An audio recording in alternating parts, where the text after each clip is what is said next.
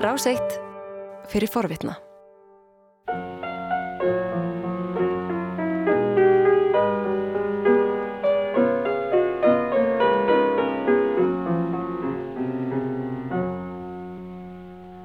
Lærin í laufi, kvíslandi hljóð, Þörfuna stillir um vor ljósa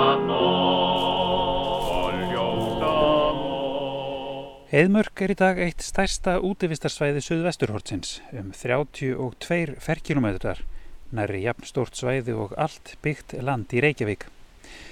Meiri hlutin er skói vaksinn og svo eru mótlendi, móar, hraun og gerfikígarnir í rauðhólum. Hingað kemur árlega yfir hálf miljón gesta og trén, já þau eru einhverjar miljónir, 6-7 miljónir trjáa hafa verið gróðursett í heiðmörk og fjöldi tegunda er öðru hvoru megin við 100. Það er svolítið undarlegt að horfa í kringum sig þennan sumardag 2020 um græna skóa og greni toppa og vita, að því að ég hef lesið það og, og líka séð myndir af því, að fyrir tæpum mannsaldri voru hér bara skóar leifar sem mann kalluðu svo nýja hátt byrkikjar á stangli og einstaka hærri tré en aðalega bara móar, oft robnir, moldarflög sem raugur, rofið og sumir segja örfókaland. Það eru nefnilega bara rétt rúm 70 ár síðan heiðmörk var friðuð fyrir beit sem þá hafði gengið bísna nær í landinu og byrjað var að rekta þann skó sem hér er í dag. Já, heiðmörk er 70 ára í ár. Ég ætla að rölda um skólendið og fræðast um afmælisbarnið, æsku árin og hvernig því hefur vegnað í þessum síðari þætti af tveimur um friðland reykvikinga ofan elliðavats. Gústaf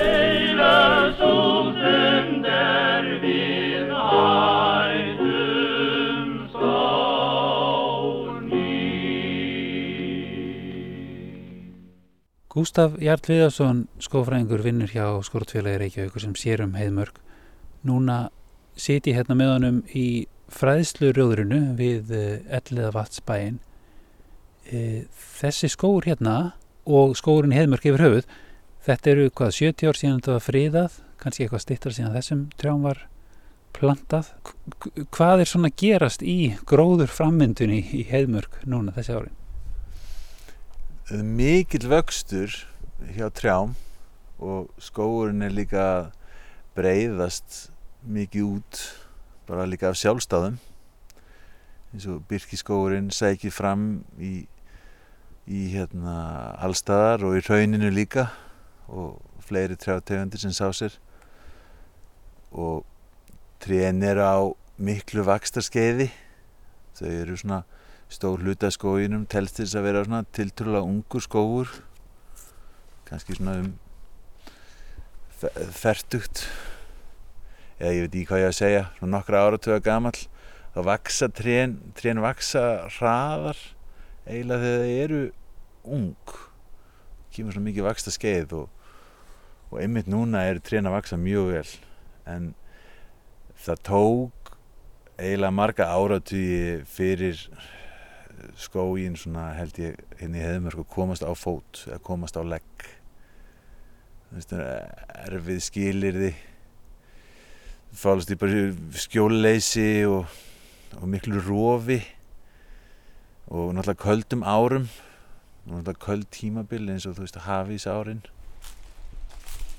Heiðmörk er um 3200 hektarar, 32 ferkilometrar. Það er jafnstórt svæði og allt byggt land í Reykjavík. Hvernig er farið að því að græða upp svona stórt land og rekta þar skóg? Fyrsta skrefið var að girða svæðið af og fríða fyrir beit en það dugði þó skamt. Við elliða vatn voru þá nokkrir einstaklingar nýlega búinir að reysa sér hús, sumarbústaði og hafðu gyrt af litlar spildur sem verið var að rækta upp. Ágangur búfjár og rók gerði þetta starf þó erfitt en fólk greip stundum til ansri rótækra aðgerða. Á gamalli mynd frá sjönda áratögnum má til dæmis sjá mynd af harla vígalegri gerðingu úr bárujárni umhverfis bústað Hjalta Lýðsonars. Ólafur Sæmundsson, fyrirverandi umsjónumæður heiðmerkur, kannaðist við hana. hann klætti sem sem girti landið af og, og, og klætti það svo bara girðingur með bárjóðni til þess að fá, skjól sem sem fyrsta ár með það þegar hann var að eiga við þennan gróður hann. Já, fyrir, fyrir vindi bara. Já, já, þetta var alltaf mikið, mikið vind álag hérna og, og erfitt að, að koma þessu sagt upp hérna fyrstu árið. Þetta var alltaf óskaflegu barningum en voru alltaf að búa til einhver skjól og reyna, reyna að rækta þetta upp í skóli af einhverju timburveggjum eða eitthvað þýliku sko.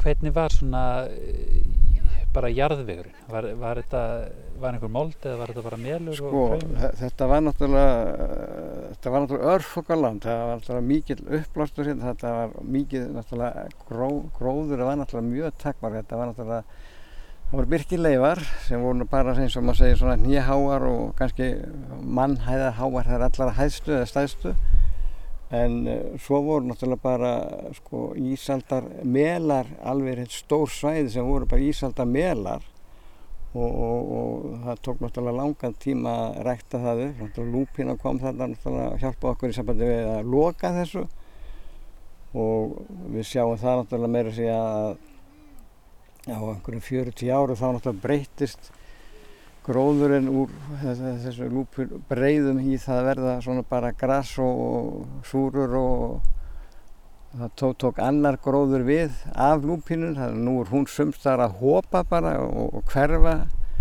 og annar gróður hefur tekið við. Gróðursárin greru þó seint sumhver og á myndum sem teknar eru yfir heiðmörk árið 1966 hátt í tveimur áratugum eftir að svæðið var gyrt af sést að landið er enn mjög illa farið. Jarðvegurinn ber og rofin.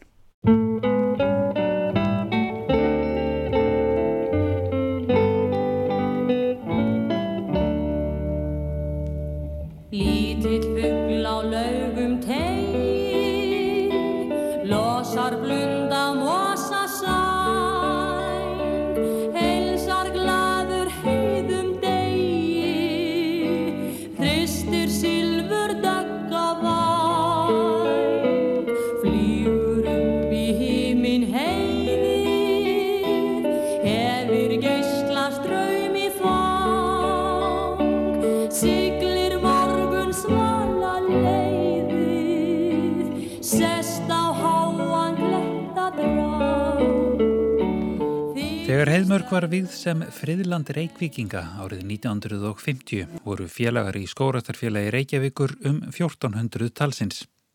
Til að virkja sem flesta í að rækta upp heiðmörk var ákveðið að útluta landnemaspildum þar til félaga og samtaka sem vildu taka að sér svæði. Þannig myndi margt fólk taka þátt í uppgræðslustarfinu og um leið myndi fólk læra handtökin við skórækt en það var allatíð eitt af markmiðum starfsins að kenna fólki handtökin og hvetja til frekari skóræktar. Þetta fyrsta ár, 1950, var svo kvöldum landnemaspildum útlutað til 29 félaga og samtaka til að mynda starfsmannafélaga, stjættarfélaga, áttakafélaga og stjórnmálasamtaka. Þeim hefur fjölgað síðan þá og árið 2020 eru 149 landnemaspildur í heimörk. Sumarið 1950 virðist hafa verið talsverður ströymur fólkstangað, jafnvel þótt ekki væri einfalt að komast í heimörk úr borginni. Sumarið 1950 stóð ferðaskrifstofa ríkisins þannig fyrir ferðum frá Reykjavík í heimörk alla virka daga, auk þess sem félög sem höfðu fengið útlutað landnemaspildum skipluð þangað skóraktarferðir. Kvenirtindafélag Íslands farið verður í heiðmörk í kvöld ef ekki verður rigning, annars annað kvöld, lagt upp frá ferðaskrifstofinni klukkan hálf átta. Morgunblæðið 15. jóni 1950. Verslunamannafélag Reykjavíkur fer að heiðmörk í kvöld klukkan sjö í skóræktarför í landsitt þar. Þeir félagar sem treysta sér til þáttöku og hafa huga á að græða landið mæti í skrifstofu félagsins klukkan sjö í kvöld en mönnum er séð fyrir farkosti þangað upp eftir. Börn úr skólagörðum Reykjavíkur og úrlingar úr vinnuskólunum hafa einnig lagt hönd á plóg og starfaði vinnuskóli Reykjavíkur áratugum saman að gróðursetningum, grísjun og stígagerði heimörk. Árið 1956 gróðursettu stúlkur úr vinnuskólunum til að mynda um þriðjung af þeim 100.000 trjáplöntum sem settar voru niður í heimörk. Þá var enn við líði kynjaskipting og talið kvennmannsverk að gróður setja tré. Kynjaskiptingin lagðist þó fljótlega af og þeim sem unnu á vegum vinnuskólans í Heðmörk fjölgaði í um 200 til 250 á 7. og 8. áratögnum. Á árunum þegar skórastarstarf var að hefjast í Heðmörk hafði skóratarfélagið um nokkurt skeið starfrekt gróðurarstöð í Fossvogi þar sem trjáblöndur voru ræktaðar til gróðursetningar í Heðmörk og reyndar líka til sölu handa almenningi, til dæmis í Garða og við bæi. En einhvað síður vantaði plöndur. Það var stundum talsvert á sig lagt. Í fyrri þætti var fjallað um hvernig trjáplöntur voru fluttar með skipum frá Danmörku og Nóri á fyrirluta aldarinnar og þær voru líka fluttar innanlands til að fá plöntur fyrir fyrstu gróðursetninguna í Heðmörk eftir að hún var girt af voru plöntur fluttar allarleið frá Hallormstaðaskói við Egilstaði niður á fyrðina og þaðan með skipi til Reykjavíkur og loks með bílum upp í Heðmörk. Ólafur G. Sæmundsen sem síðar varð umsjónamaður í Heðmörk bjóð þá í Heðmörk á samt föður sínum sem var framkvæmdastjóri skóratarfélagsins. Það, þá var þetta náttúrulega bara komið til sjóleðina til, til Reykjavíkur. Verðið flutta frá eigilstöðum og niður á... Já, niður á fyrðina og, og síðan bara hérna með skipum til Reykjavíkur og svo hengað upp yfir. Og leiðum ákveðlega með þessa meðferð, blönduna? Jú, jú, það er lifið þetta með, með, með því að vera í þessu raka mosa. Þá heldust það sagt lifandi þegar komið hérna söður og En, en náttúrulega þessar blöndur sem koma náttúrulega neðan á fósvið það var náttúrulega miklu minna, minna ferðalag sem var á þeim og þær voru náttúrulega bara teknar upp á mótni og, setta niður yfir daginn og það, það þurfti ekki að geima þeir hérna þetta svæður þær fóru yfir bara beint niður nána samdægurs. Áhugi á skórekt og bjart síni á framtíð hennar var víða að finna. Einning meðal söðfjórbænda Jafnverð þótt sumir þeirra hörmuðu að missa beitarlandi í friðun eins og í tilviki heiðmerkur þar sem landið hafi lengi verið notað sem afréttur. Ólafur Sigursson, stórbóndi á Hellulandi, flutti þannig erindi í ríkisúðarpinu árið 1950 um söðfjárrekt, girðingar og skórekt. Alda er vakinn í landinu um aukna skórekt, er gott til þess að vita og benda Ímsar nýjungar í skóraktinni í þá átt að takast muni að rækta nýtjaskó hér á landi. Sérstaklega er það innflutningur nýra trjátegundar bæði frá Alaska og norður Noregi sem gefa góðar vonir. Svo góðar að nærrim á vissu kalla. En hvernig verður skóraktin í landinu hagað í stórum dráttum? Ég er þeirra skoðunar að skjólbelta græsla og bæjar skóar verði aðal framkvæmdirnar og þær almennustu fyrstu áratugina. Hingað til hefur svo litla trjáplöntun sem átt hefur sér stað í landinu aðalega verið í skjóli við hús og bæi. Þetta þarf alveg að snúast við. Skóurinn á að skíla túni og húsum, svo bænum sé aðdrepp gegn yllviðra bil og almennings njóstnandi sjón eins og Stefán G. Stefánsson orðaði það. Nú 70 árum síðar er skóurinn farin að sá sér út sjálfur, sérstaklega byrki, stafafuru og sitkagreini og því breyðist skóurinn víða út af sjálfstáðum. Úr eldri trjánum er að verða til nýtjavara, viðarkurl og eldiviður en líka gæðatimpur, smíðaviður og fjalir. Þá hafa aukin hlýjindi undan farin ár líka aukið vakstar hraðatrjána. Gústaf Jarl Viðarsson, skófræðingur í Heðmörk, hefur tekið eftir því ég meina það er alveg hlýtt eins og núna í sumar. Ég meina hlýtt frá því mæg og maður sér frá sko síðasta sumri síðasta sumar var náttúrulega mjög hlýtt og bara mikið af trjám sem uksu uksu mikið sko. Og hérna maður sér líka mikið af trjám að bera fræ í ár gott fræ ár. Það var einmitt þarna í byrjun 2000-aldið þegar menn voru að byrja að rekta skói hérna, þá höfðu þeir svolítið áhyggjur að því að skóar, innlendi skóar væru kannski bara alveg að hverfa, myndu missa þú alveg eins og þá er einhverju blettir bara eftir hérna alltaf Hallónstað, svo var bæjastæðaskóur og einhverju örfári viðbót og einhverju byrkilegur hérna.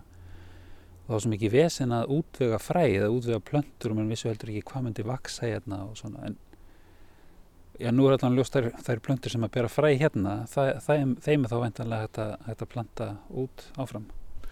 Já það ber þess merki ef að ef það eru frjófræ að, að planta sér bara vel aðlöguð og við erum höfum flutt inn nokkuð pröfa allmargar tegundir og kvæmi og komist niður á svona ákveðin hóp af, af tegundum sem að vex bara mjög vel hérna eins og eins og sitkagrinni eða stafafura og lerki svo rúsalerki það er kannski mismjönd eftir landslutum en, en við erum uh, þetta vex bara ótrúlega vel í dag og með því hvað þetta hefur vafa lítið verið dapurt þannig í upphafi síðustu aldar. Ég er rétt við heiðmerkur bæin er búið að reysa já, nokkuð veglega skemmu og fyrir utan líkur leikja trjábólir og grísjunaviður talsverður og, og hér er líka búið að skera út alls konar fígurur uh, í við, líklega með vélsög þá og hér eru plöntur og traktor sem við heyrum að er að verða að setja af, staði núna.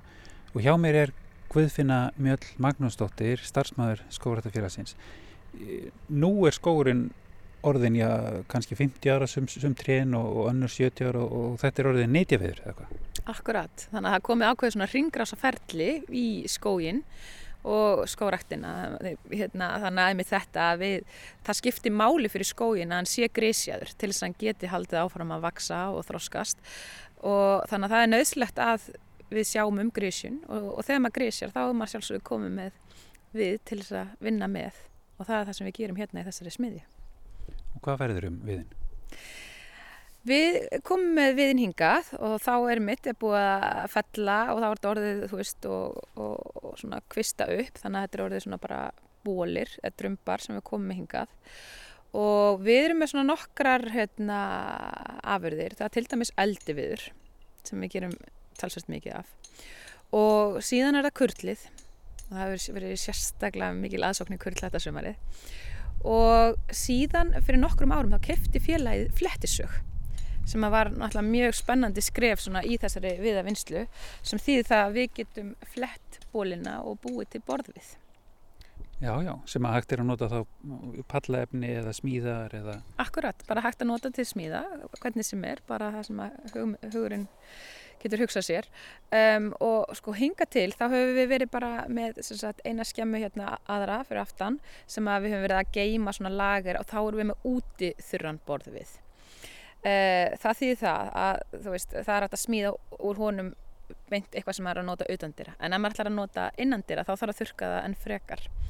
Og, hérna, og núna í tilefni 70 ára ammælisins þá ákvöðum við að, að aðeins að vinna enn frekar í viðar vinslun okkar. Og við gerðum aðeins betri umgjörð utanum verslunina. Þannig að við opnum formulega viðar verslun hérna skórtafélagsins og komum með þá nýjung að núna erum við að bjóða upp á inni þurran borð við. Og við erum þetta bara smám saman að byggja upp lagurinn, þetta er bara alltaf litlum skala sjálfsögðu, en smám saman erum við að byggja upp lagurinn og ég, því ég er líka hönnuður, að þá þekki ég það mjög vel bara á mínu starfi að mér hefur gegnum árin oft langa til þess að geta unnið með íslenskan við í einhvernum verkefnum ef ég verið að vinna fyrir einhverju kuna og það hefur verið flóki, þá hefur kannski oft verið bara margra vekna byggtími fylgja mánaða í að fá efni tilbúið. Þannig að það að geta bóðið upp á efnið inni þurft er rosalega spennandi. Og ég held að það gæti yfir þetta hönniður arkitektur og fyrir utan bara allur almenningur geti notað íslenskan við og hérna bara hérna úr heðmörk í sína smíði eða vinnu eða hönnun er rosalega spennandi. Sýndi mér aðeins hérna smiðina. Já.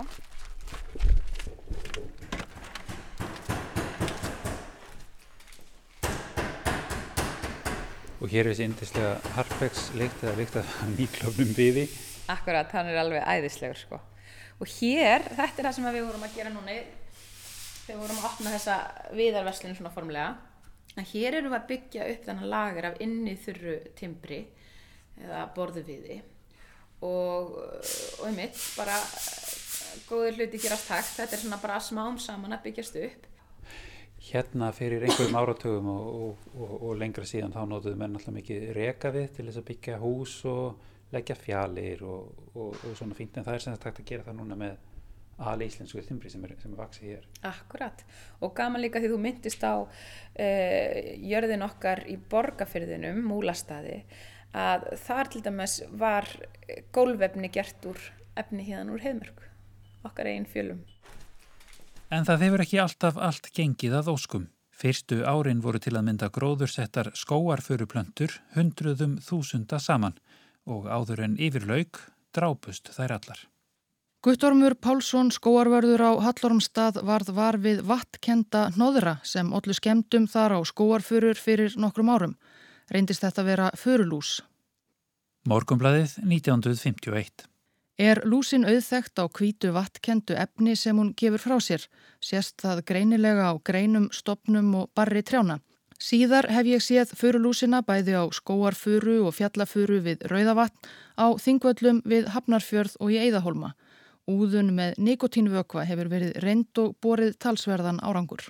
Skóarfura var einn þeirra tegunda sem hvað mest var gróðursett af á fyrstu áratögum skipulaðar skóraktar hér á landi. Trjátegundin myndar mikla skóa á Norðurlöndunum og víðar og voru miklar vonir bundnar við ræktun hennar hér á landi en það eru skóarfurur bæði vindþólnar og harðgerar.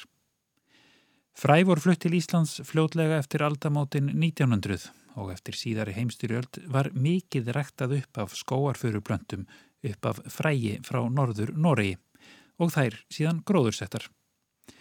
Í heiðmörk var til dæmis meira en þriðjungur af öllum plöntum sem voru gróðursettar fyrstu árin skóarfurur. Fyrstu átta árin var þetta fjórðungur úr miljón trjáa en súvinna var unnin fyrir gíg. Skömmu eftir að furlúsarinnar fór að verða vart tók að bera á miklum skemdum af völdum hennar. Reynd var að bjarga trjám með því að úða þau með nikotínvögva og nýjar tegundir marjuhæna voru fluttar til landsins í þeirri vonað þær myndu geta lísnar og halda þeim þannig í skefjum. En allt kom þetta fyrir ekki. Skóarfururnar sem plantað hafði verið hundruðum þúsunda saman drápust unvörpum um land allt. Í byrjun april árið 1963 varð skóraktarstarf á Íslandi fyrir öðru áfalli. Óvenju hlít hafði þá verið í veðri og gróður sumhver farin af stað. En þá gerði mikið rétt svo að trjágróður skemmtist eða drafst, engum sunnan og suðvestanlands. Hákon Bjarnason skóratarstjóri fjallaði um skaðan í fréttauka í ríkisútarpinu tveimur mánuðum síðar. Hinn 8. apríl skall á áviðri um all land með mikilli frostörku. Brast veðri skindilega á alveg eins og veifað veri hendi. Undanfarið hafðu gengið langvarandi hlýjindi og var frost farið úr jörðu víða sunnalands. Á hlýjustu stöðunum voru ímst tré farin að lifna og söma laugast. Hlaut veður þetta því að skemma þau. Sankvæmt upplýsingum frá frú Öttu Báru Sigfúsdóttur á veðurstofinni fjall hitin hér í Reykjavík úr nýju stigum um hádegi þann 8. apríl niður í 12,5 stig frost um miðnætti næstu nótt. Hita mismunur varð því yfir 20 stig á halvun sólarhing. Sumstaðar var þessi munur meiri, til dæmis í fljóslíðinni, því að þar var hitin meiri og frosti líka. Þetta áhlaup er sennilega hið mesta sem orðið hefur að vorlagi hér á þessari öld. Mikið tjón varð á trjágróðri á Suður og Suðvesturlandi. Verstar skemdir urðu á Alaskaösp, Sitkagreini og Kvítgreini. Umfang skemdana var meðal annars rakið til þess að trjákvæmin væru ekki nógu fjölbreytt sótt til nógu margra misjabra staða. Og norræn afbreyði færu oft af staða á vorin strax við ör litla hýtaukningu og því væru þau viðkvæm fyrir hreti. Hákon hétt því að sækja trjákvæmni til fjölbreyttari staða framvegs. Furudauðin og vorretið 63 urðu mikil áföll fyrir skórekt á Íslandi, bæði vegna þess hver mörg tré drápust og eins vegna þess að með furudauðunum brögðust þær miklu vonir sem höfðu verið bundnar við skóarfuruna. En fura kemur í furu stað. Í þessu tilveiki kom stafafura frá Alaska í stað Norræns ættingasins, skóarfurunar. Og svo var farið að rækta sífælt meira af sitkagreni, hraðvaksta grenitegund sem getur náð gríðarleiri hæð. Skóurinn okkar samastendur aðalega af þremu tegundum, mínum mati. Það er byrkið auðvitslega og síðan er stafafura og, og sitkagrinni.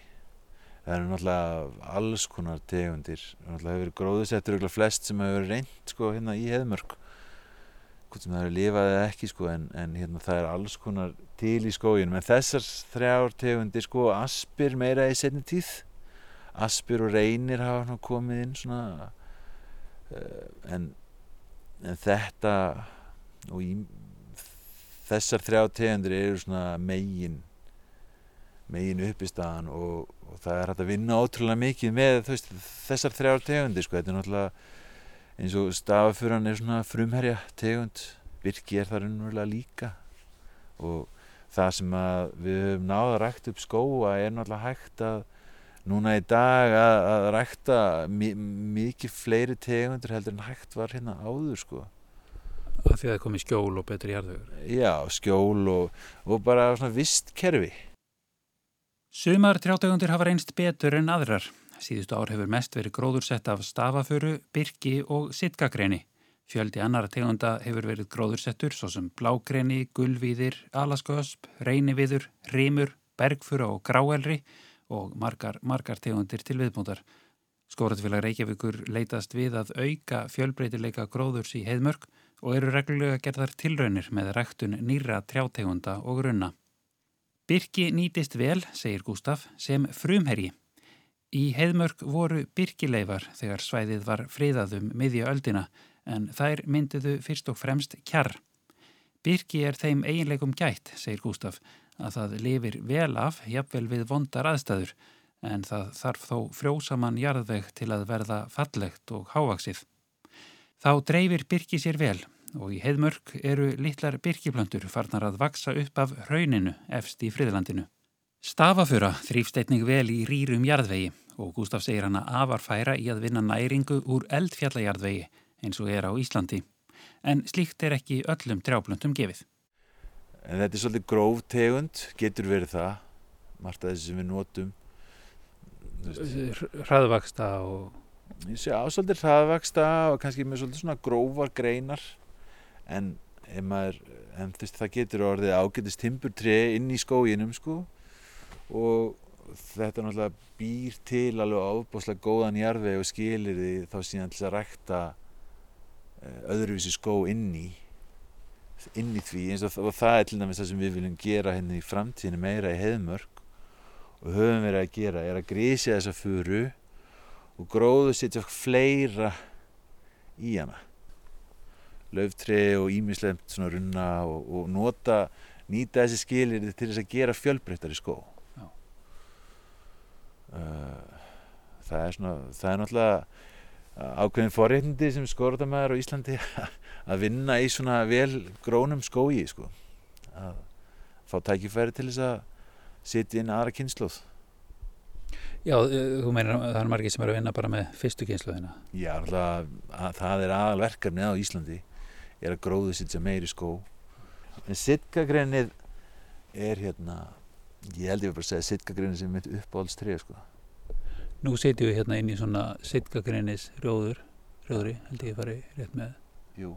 að býna dimt Já, það, það er það sko. Það er það. En, þetta eru mögnu tré. Verða mjög stór og vaksa ótrúlega vel á Íslandi.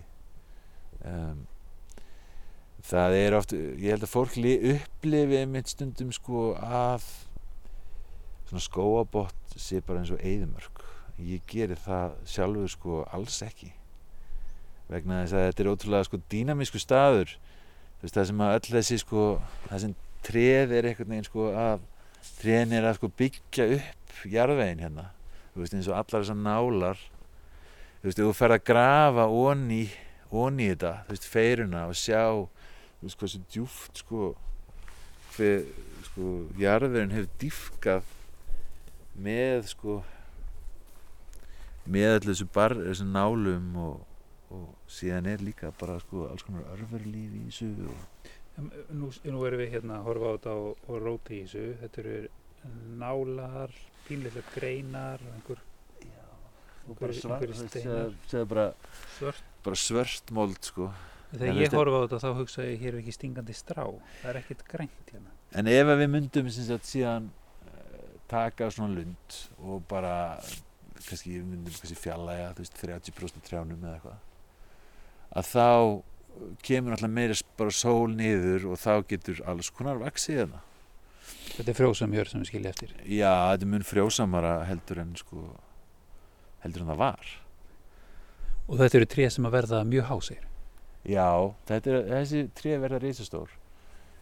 Í Alaska, það, þessi tré koma líka frá Alaska og eða bara Norður Ameríku líka en kannski þeir sem við hefum alveg tekið eru frá Alaska.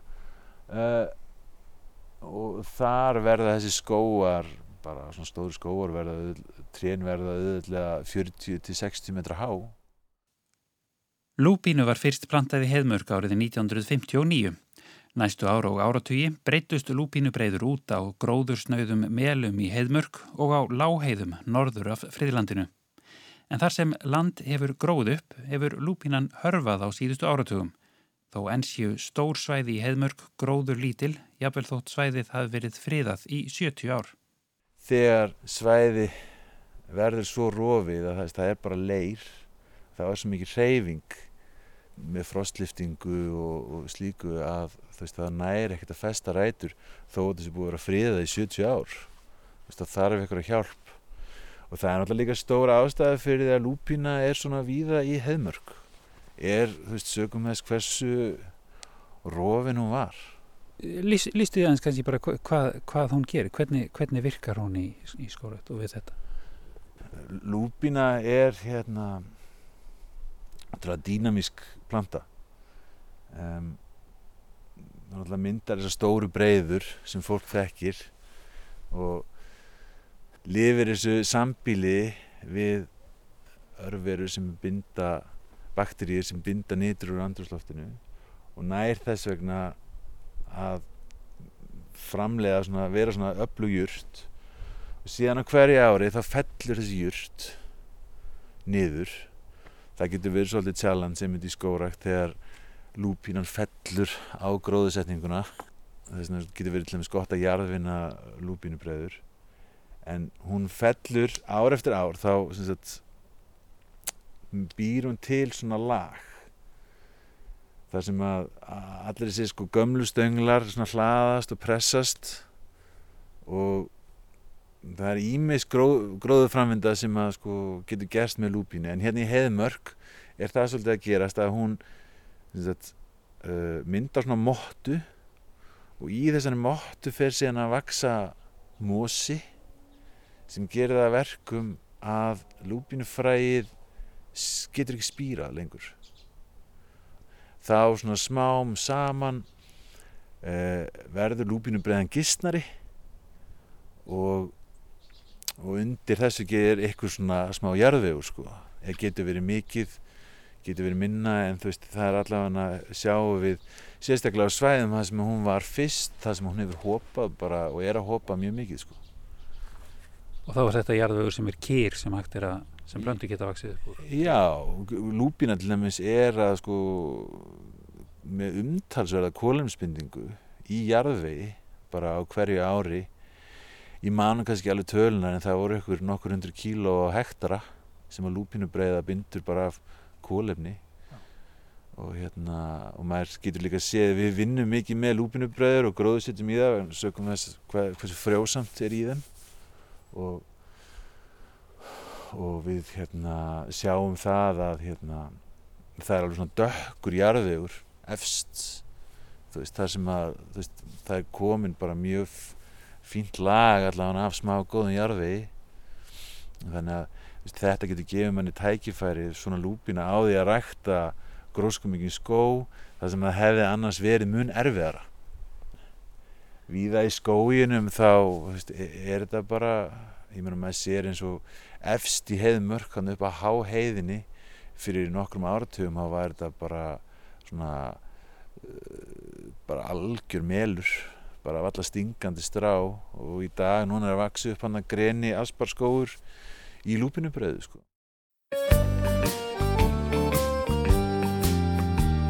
Bláfjólum á í byrki skóknum líta. Blessa sér norður hvelið sem mig ól Hallormur má þá ei til einhvers nýta. Þinn unga vin á nýjum stari kjól Allkomin heim um allans hafið hvita og ákveðin að lifa næstu jól Alkomin heimum Atlas hafið hvita ákveðin að lifa næstu jól Þegar umhverfið breytist, breytist líka dýralífið. Heiðmörk er fjölbreytt svæði, mikið votlendi, stórt vatnuðutað, elliða vatn og hér er hraun, mólendi, skóar. Fuglalífið er mikið og nokkuð fjölbreytt. Það má finna margar sjálfgefar tegundir og tegundir sem eru á válista, svo sem branduglu, gargönd og himbrima. Einnig hefur sést til fjölbreytts hóps gesta, allt frá innlendum tegundum á borð við haförn og skeiðönd til erlendra flækinga til að mynda gráhægra og trjásölu. Það eru góða líkur á að hægt sé að koma auga á jæðrakan, óðinsanna og heimbrima í heiðmörk og á veturna er talsvert um rjúpu. Og hér eru líka nýbúar eins og glókollur sem verpa. Og hér þar sem ég stend við elliða vatn sé ég óvinnulegt treyður, flótreyður Úti á vatninu í lítilli vík hefur flórgóði byggt sér svona reyður í skjóli nokkura trjágreina sem einhverjir fugglavininir hafa komið fyrir út í vatninu. Fugglalífið er hér fjölbreytast í votlendi en, en þéttleikin er mestur í barskói og í lúpinu og talsvert af hvoru tvekja í friðlandinu. Í heðmörk er líka nokkuð fjölbreytt fána spendýra, að minnstu kosti á íslenskan mælikvarða, því að hér eru mís, kaninur, villikettir, revir og mingar. Hundar og hestar leikja svo leiðsina hingað í fyllt með mönnum. Og í vatninu, elliða vatni, fyrirfinnast allar fimm tegundir ferskvarsfiska sem vitað er um á Íslandi. Lags, bleikja, urriði, hortsíli og all. Skórin er í sífældum vexti og umhverfið því að breytast og fugglalífið hefur breyst með. Hafsteinn Björgvinsson umsjónamaður vassfendasvæða í heðmörk fyrir veitur hefur fylst með fugglalífi hér í hátt í fjóra áratugi. Hann segir að við skórekt fjölgi þeim tegundum sem lifa þar á kostnað mófugla. Vöxtur lúpinu hafi haft áhrif á varpstöðvar til dæmis kríu auk þessum ramagslínur taki stóran toll af heimbrimum og áltum. En nú þegar ég horfi yfir elliðavatnið sé ég fjöldaálta og fyrir nokkrum dögum sá ég hér heimbrima 2 út á vatninu og mér er sagt að á góðum dögum getur maður séð jafnvel þrjú pör vatnin er það stort. Hafsteitt segir að fjölgun refa sem varðum 1990 hafi haft töluverð áhrif á afkomu sumra tegunda, til dæmis gæsa, en villikettir hafi hingað til ekki verið áhrifavaldar. Mingur lifir hins vegar helst á fiski og hefur ekki haft mikil áhrif á fugglar í heiðmörkur. En það eru líka fleiri rándir sem leita í heiðmörk. Á nýjunda áratögnum sáu Íslensk dagblöð ítrekkað ástæðu til að benda skotveiðimennum á að það veri bannað að stunda skotveiðar í heiðmörk. Haustið 1981 hafðu nefnilega verið fluttar fréttir af því að við rjúpnatalningu í heiðmörk hafi sérst um 100 karrar. Það sætti miklum tíðindum því síðast þegar talið hafi verið halvum öðrum áratug áður sást aðeins 15. Náttúrufræðingurinn Jón Baldur Sigursson taldi að fjölgunin væri vegna friðunar svæðisins fyrir beit. Gróður hafi aukist sem og skortýralíf og því góð skilirði fyrir rjúpuna. Dæin eftir sá morgunblæðið þó tilefni til að taka fram. Vegna frettar í morgunblæðinu í gær þar sem sagt er frá rjúpnavarpi í heiðmörk ber að taka fram að heiðmörkin er friðuð. Það er öll skotveiði stránglega bönnuð og hefur svo verið síðastliðin 30 ár.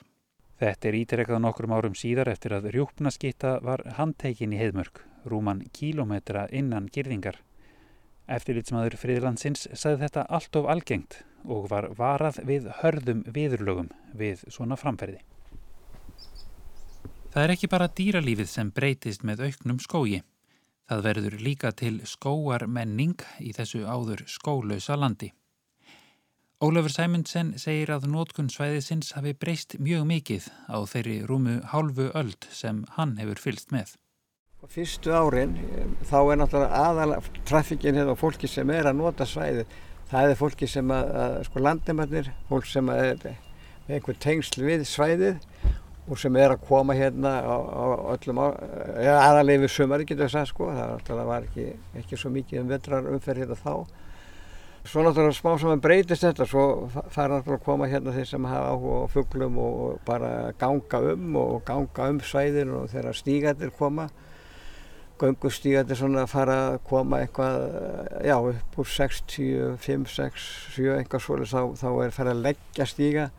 Áður fyrir voru mann bara að ganga eftir einhverjum kindarslóðum sem að voru hérna út um allt sko. Já, já. það voru bara uh, kindargutnar sem var verið að labba. Svo breytist það að það er náttúrulega voru ólitla þannig að þá að fara að gera stíga hérna og bæði við vatnið og svo upp í félaga spildánu hérna fyrir ofan. Og svo náttúrulega breytist nótkunni sko svo fara menn að koma hérna á vetunar á skýðum til dæmi sko það, það, það var eitt. Og síðan núna í setni til þá er fólk hérna á, á hjólónu sínum og, og, og hérna og náttúrulega mikið allskins bara fjölskyldu tengdu starfi sem fólk er að sækja í hérna mörkina til, til dvalar yfir, yfir sömarið og vetur og allar af sér ring maður segja sko. Skórættarfólk hefur líka tekið eftir því, meðal annars í heðmörk, að fólk sem hefur reynslu af skóum og skóar menningu í öðrum löndum, fólk sem kannski kemur frá löndum þar sem skólendi er meira, eins og til dæmis Pólandi eða Svíþjóð, notar skólendið öðruvísi. Ólafur segir að þegar skórin var fyrst að vaksa upp í heðmörk hafi starfsfólk þar tekið eftir því að sendiráðsfólk væri að leggja þangað leið sína og ekki til að týna ber. Við sáum bara hérna á númuraplötuna þetta voru sendir á spílandi sem að stoppaði hérna og mann skildi ekki því hvað fólki var að gera það var ekki að týna ber af því það var, það var inn í skóginu sko. Og þá voru þetta sveppindi sem það var að sækja. Og það voru svona þeir fyrstu sem að uppgötuða föttuðu þetta löngu, löngu, löngu setna þá fór Íslandingar að, fara inn í skóan og týna sveppi en, en þetta var ábyggjan að þeir voru ábyggjan að voru 20 ár sem þeir voru hérna alveg einir um þetta Hvenær er þetta? Já þetta, hefur, þetta sem þeir fóra að týna sveppir það hefur verið þarna í upp úr 65, 67 eitthvað á þeim ári fyrir 70 sem þeir, þeir byrjuði að verða uh, svona eitthvað sí, sínilegir hérna. Þetta voru alltaf sveppir fyrir en, en uh, þessi skóasveppir sem að, að fóru að verða ábyrjandi þegar tréð fóru að stekka. Í heðmörk er nú gestkvæmt allt árið. Skórtarfélag Reykjavíkur á í samstarfi við fjölbreyta hópa sem nýta útivistarsvæðið, allt frá gönguskíðafólki, hestamönnum og hjólafólki til hundaeigenda, myndlistarmanna og ásatrúarfólks. Um miðjan ágúst verður sérstakur heilunardagur í heidmörk þar sem blandað verður saman ímiskonar aðtöfnum og jóka. Í oktober verður heidmörkur hlaup í fyrsta skipti og í haust verður emt til frætínslu enda mikil fræmundin í skóginum eftir sérlega gott gróðursumar í fyrra. Eftir sumarið fyrra og núna þá er algjörlega frjóseminn í skóginum er þvílík og það er svo gaman að sjá það hvernig, þú veist, og, maður, og það er bara hvernig maður lítur á það en þetta er náttúrulega kynlíf trjáa og þannig erum við að sjá ávöxtun í því er þessi mikla fræmyndun. Og, og að lappa hérna um og fyrsta lagi sko bara bara mæli líka með því að bara fara inn í ferð til að skoða kunglana sem eru algjörlega stórkostlega þetta er svona eins og mér finnst þetta líka að vera svolítið svona svo flugöldasýning sem að trén eru með. Þú veist og svo sitka hérna, og greinitrín bara með sko djúb bleika og rauða köngla og fyrir hann með sína fallegu köngla, þetta er svo geggjað. Og hérna, þannig að Aðalsteit Sigurgersson hann ætlar að vera með okkur með fræsöfnunin í haust og það er ég með þetta vonast til að við getum kveikt svolítið í almenningi að koma. Þetta verður svona blandað þetta, hann mun svona vera með ákveði fræðslu samhliða týnslunni. En þannig er við þá bara að saminast í því að sapna þessum fræjum þá fyrir auðvitað framtíðar skórækt og, og við munum algjörlega taka eitthvað, þú veist, þegar búið að ræktu plöntur þá munum við taka þær hingað og, og planta þeim hérna í heðmörk og svo munum við að fara eitthvað viðar líka Guðfinna Mjöld Magnúsdóttir sem starfar fyrir skórættarfélag Reykjavíkur segir að félagið leggja ekki aðeins áherslu á að rækta skó heldur líka að kynna afurður hans og ebla skóar menningu og skóar uppeldi. Bæði náttúrulega eins og jólamarkaðurinn okkar sem er búin að festa sér í sessi hjá mörgum og skóaleikarnir, ég get kannski freka að tala um það að því ég stýri þeim, að, að þar er við að bjóða fólki inn í algjör á skóar heim og að fólk fái, þú veist, á skóleikunum er bæði verið að keppi skóar íþróttum þannig að við erum að sína að gefa fólki svona smá insýn á skemmtilegan hátt inn í líf hérna, skóarfólks eða fólk sem vinnur í skóinum en að samaskap erum við líka að kenna fólki að tálka beint úr ferskum við við erum að kenna börnum að kljúfa með hérna, kjullu og, exi og hérna kenna að elda brauð, snúrubrauð yfir barðeldi. Bara svona atrið sem að, mitt, þegar maður er ekki svona, svona inngróna skóarþjóð eins og margar nágróna þjóður okkar, þá, þá þarf bara að kenna þetta. Og það er líka rosalega gefand og gaman að gera það. Og ymmit það að á þessum 70 árum séu við bara núna að njóta ávakstana af þessu rosalega frumkvöla starfi sem ég svona innilega ber virðingu og hérna fyrir að við erum komið með einmitt háan skó sem veitur okkur skjól og við erum búin að byggja ótrúlega fallega áningastadi inn í og, og hérna, þegar fólkið mitt kemur í svo skóleikana það er svo margir sem bara þeir, þeir bara hafa ekki upplegað neitt þessu líkt á Íslandi og einmitt líka svo við hefum líka verið að, að kynna hvernig hérna, hægt er að leta með jörtum úr skóginum þú veist, og svo þetta hefur verið sveppaganga sem er mjög vinsæl og hérna, þú veist, skórin hefur náttúrulega bara svo svakalega margar hliðar, allt frá dýralífi í plöndulíf og svo er með þetta svona bara samtal mannsins við náttúruna einmitt. Að þú talar um samtal mannsins og náttúrunar og, og, og útivist í skóðurum og svona þá fer ég bara ósjálfvægt að hugsa um hérna COVID-vírusin sem kemur einmitt úr kannski aðeins ljótara samtali mannsins og náttúrunar og það náttúrulega fólk var lokað hérna inni eða kannski ekki lokað inni en, en svolítið einangrað í marga mánuði. Fundu þið fyrir því að fólk verið að sækja meira út í skógina? Því að það var ju í, í lægi að fara á svona stór útvistasvæði þar sem að maður þurfti ekki vera mjög nárat fólki. Algjörlega, við fundum mjög mikið fyrir því og, og náttúrulega vorum að hvetja fólk til þess og það bara stór jógst aðsóknin.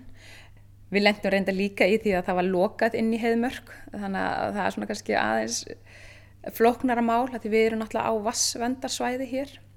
Þannig að við erum alltaf að berjast fyrir því að, að bara að hér séu staði betur að aðgengi inn í heðmörk til þess að skapa örugara svæði fyrir einmitt vassvendina en hana, þannig að það var pínu svona að koma upp smá ástand þarna en það hefur verið rosalega gaman og við hefum fundið fyrir því. Margir sem hafa kannski verið vanir að stunda rættina allt ínum fóru þeir átt að segja á ymitt möguleikanum á hérna, líkansrækt utan dýra þannig að algjörlega við hefum absolutt fundið fyrir því.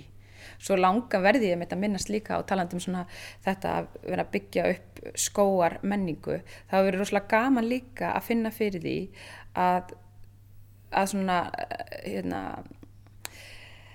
eins og pólverar í Íslandi sem eru mjög rík skóar þjóð að við höfum séð það rosalega skipt hvað þeir eru klárir í að nota skógin og þeir, eru, þeir býða ekki eftir að koma í sól.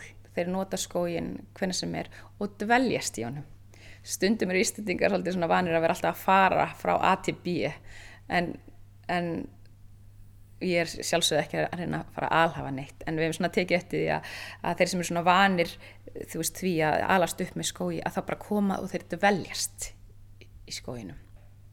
Og nú er náttúrulega alveg ljóst og liggja fyrir algjörlega nóg rannsóknum sem sína áhrif bara náttúru og skóar á helsu, líðhelsu fólks og mjög gaman ymmit líka þegar maður er að skoða sögu heiðmerkur að þeir frumkvölaðnir þeir töluðu ymmit um þetta sem líðhelsumál að hér eru þið ræktað ræktaður upp skóur og búið til friðland og greiðastæði fyrir reykinga þannig að, þannig að það er svo gaman ymmit að finna fyrir því að það er algjörlega búið að skila sér